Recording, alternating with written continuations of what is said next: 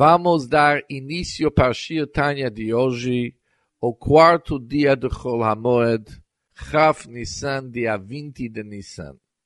O Shir Tanya de hoje começa, começa na página 114, no término da nona linha, e ela termina sete linhas de baixo para cima com as palavras Ve'av Sheliyot. No capítulo 41 do Tanya, aprendemos que para os cumprimentos dos mitzvot, mesmo para os mitzvot a ser, os preceitos positivos, é insuficiente cumpri-los somente com sentimento do amor para Hashem. Pelo menos, e pelo menos deve despertar o temor e uma reverência natural que é inerente oculta em cada Yehudi. Ou seja, apesar que a preferência sempre é dada no Tânia para poder revelar e criar um ahavá e um amor e temor para Hashem, como resultado da nossa meditação e contemplação da grandeza da Hashem. Mas se alguém tem dificuldade para contemplar e meditar, pelo menos despertar o temor e a reverência natural é fundamental até para o cumprimento dos mitzvot a ser preceitos positivos. Vimos no Tanya Mahid Bonenut um conceito sobre qual contemplar para poder despertar tal irá, aquela reverência e temor que nós vimos antes, e também estudamos se uma pessoa é incapaz de sentir o temor em seu coração, o fato dele sentir isso em sua mente também é suficiente. E mesmo alguém que não consegue sentir nenhum medo e nenhuma reverência em sua mente, sendo que ele tem uma alma do nível baixo, dos últimos níveis, dos níveis inferiores do mundo da Sia, mas sendo que a intenção dele é para servir a Hashem, em primeiro lugar, ele tem o mitzvah da avodá servindo a Hashem, porque ele está intencionado para servir a Hashem, além do fato que um certo grau do yirá, do reverência para Hashem, ele também tem que naquele momento que ele está pensando sobre a grandeza da Hashem, pelo menos ele está respeitando Hashem como que está respeitando um ser humano que está olhando, observando seus atos.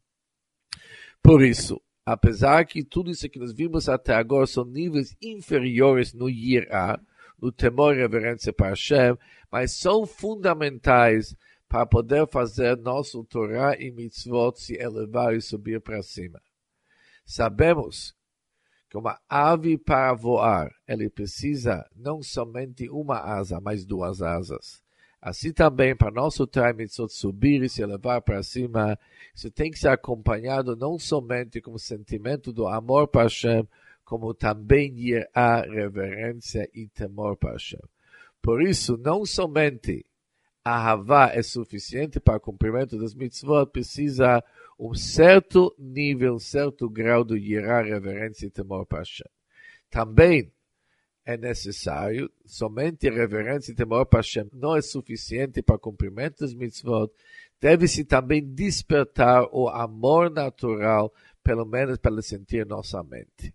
Ou seja, em conclusão, para o cumprimento das mitzvot, devemos despertar tanto a Havá como também irá, tanto amor para Hashem como também reverência, respeito e medo, temor para Hashem. E agora vamos estudar o Shirtanya por dentro. Ach amnam, mais de fato, amru razal, nossos sábios da abençoada memória disseram, Leolam al yotzi adam atzmo minaklal que o homem não deve separar-se da comunidade. Por isso, para não se separar da comunidade é insuficiente para ele ter uma intenção durante seu estudo da Torá ou, ou o cumprimento da mitzvah para ele se ligar e ele se ligar com Hashem isso é insuficiente, porque ele de fato pensando sobre a necessidade, ou seja, uma pessoa com a intenção de ele, em particular, se ligar com Hashem. Com isso, ele separou-se da comunidade, mas ao contrário, Lochem, portanto, Ele deveria unir-se e se ligar com Hashem, Makor nafsho elokit, que é a fonte de sua alma divina, e também, no mesmo tempo, é Makor Nefashot Kol Israel, que também é a fonte das almas de todo Bnei Israel. Shehu Ruach Piv, que isso significa qualquer nível da Hashem, é considerada a fonte da sua alma divina e também a fonte de todas as almas. É um nível chamado Ruach Pif, que é o espírito abençoado boca da Hashem.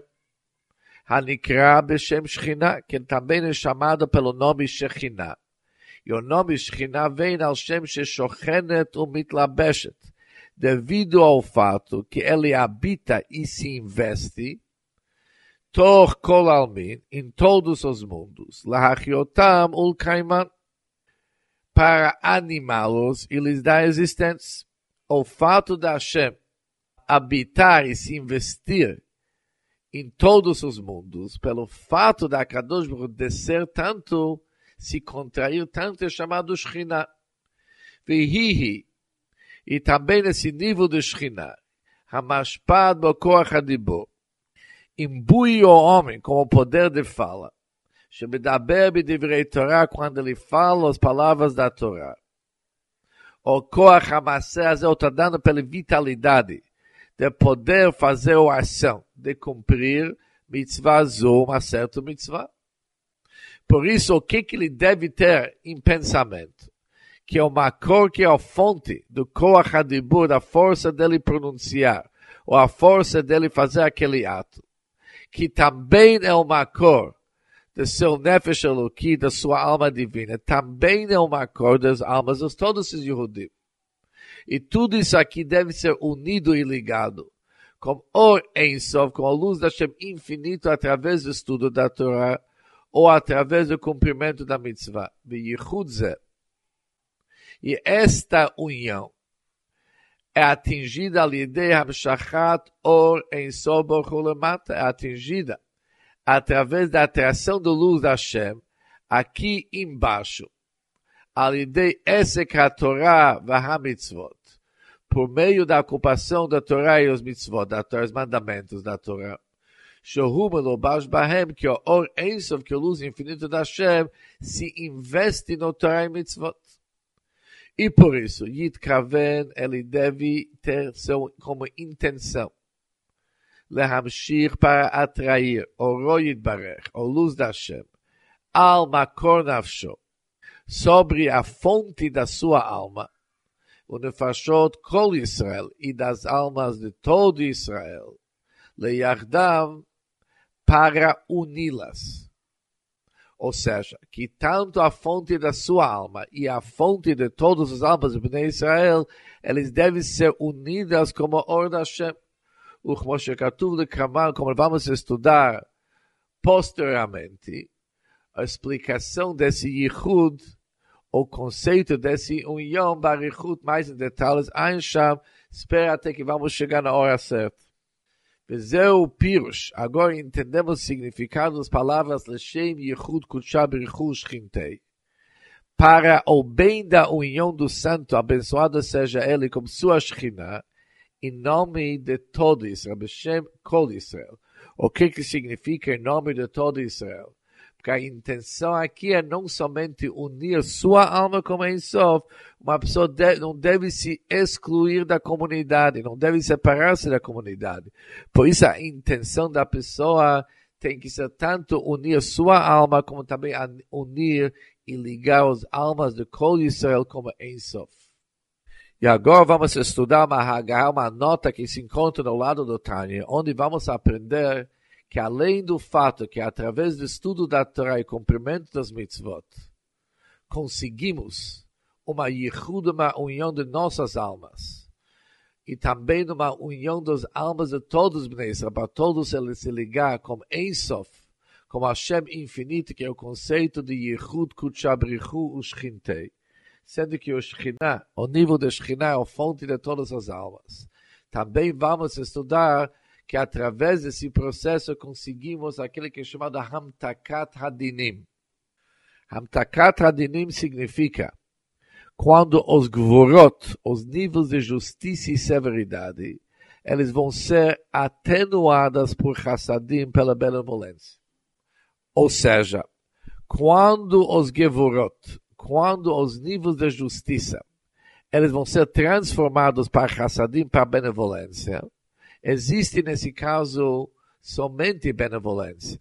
Que isso vem através dos Yichud, a união dos Midot Hashem, que Chesed do Gvorah, que é bondade e severidade, apesar de eles ser opostos uma da outra, eles se unem através de um processo que se ilumina dentro deles um or, uma iluminação da Hashem que transcende tanto Chesed como Gvorah, tanto bondade como severidade. Quando Chesed e Gvorah se anulam perante uma revelação que transcende seus limites, com isso se desmonta a oposição, se nós podemos dizer, de uma midá perante o outro. E aquele or que faz que ele consegue o yichud dos midot. Isso aqui é o nível do ração da Hashem que conseguimos atrair através do cumprimento do Torah e Mitzvot. Quando o ração do Elion, e Ratzon Elion é Makor dos Hassadim, se revela, os Midot de Gvorá, ele se une com Chesed e ele se transforma por Chesed. As palavras do Tânia, Vigama Lideze, também através desse processo do cumprimento, do cumprimento da Torá e Mitzvot, Yitmatku Gam Ken Hagvorot Bachassadim Memela, as Gvorot serão por si mesmas atenuados por Chassadim, através do gilui ratzon hoelbit kalalut amidot v'yichudam, através do processo que os midot se juntam e eles se unem uma com a outra, que isso também vem al de Gilui Ratzon Yom Baruch através do fato que está revelado neles o abençoado vontade superior da Hashem. Hamidgalele Mala, que de fato a oração da Hashem se revela nos mundos em cima, pitaruta deletata através de um despertar do baixo, Hu Giluyav Lamata, o motivo que ele se revela aqui embaixo é através בעסק התורה והמצווה שמרצונו יתברך. Através do fato que se cumpriram mitzvot, se estudaram Torá, que também são ração da Hashem. E quando um Yehudi aqui em nosso mundo, ele se dedica ao estudo da Torá e cumprimento das mitzvot, ele estende e revela aqui embaixo a ração da Hashem. E através desse processo, também lemala, também em cima, nos midot da Hashem, se revela ração do Elion, e quando o do Elion se revela, isso causa uma hitkalelut, uma, ou se juntam e se incluem todos os mitot, de tal forma que os atributos da Hashem, gvurot, os midot de severidade e justiça, eles vão ser atenuados no midot do chesed, do benevolência. Moshe Kosu Bidre Rabe, como está escrito no Zohar, ובמשנת חסידים, e também no estado de Tayag Mitzvot HaTorah, que os Tayag Mitzvot, os 613 Mitzvot, נמשכות אל se estende בחיברתה de Arechanpin, do nível que é chamado Chiverta do Arechanpin, do Shehu Ratzon Ha'elyon, que isso corresponde com o nível do Ratzon da Hashem, Akor Hassadim, que é a fonte de toda bondade. Ou seja, em conclusão, o seguinte: quando estudamos Torah e cumprimos mitzvot, se estende chesed, bondade e benevolência em nosso mundo. E por isso não basta um judeu estudar Torah ou cumprir o mitzvot e pensar somente da Yehud, da união de sua alma com Hashem, mas ele também deve pensar para se ligar e unir o Makor, a fonte de todas as almas, como Ensof, como Hashem. E com isso, uma pessoa não se exclui do geral. E com isso termina o Shirtanya de hoje.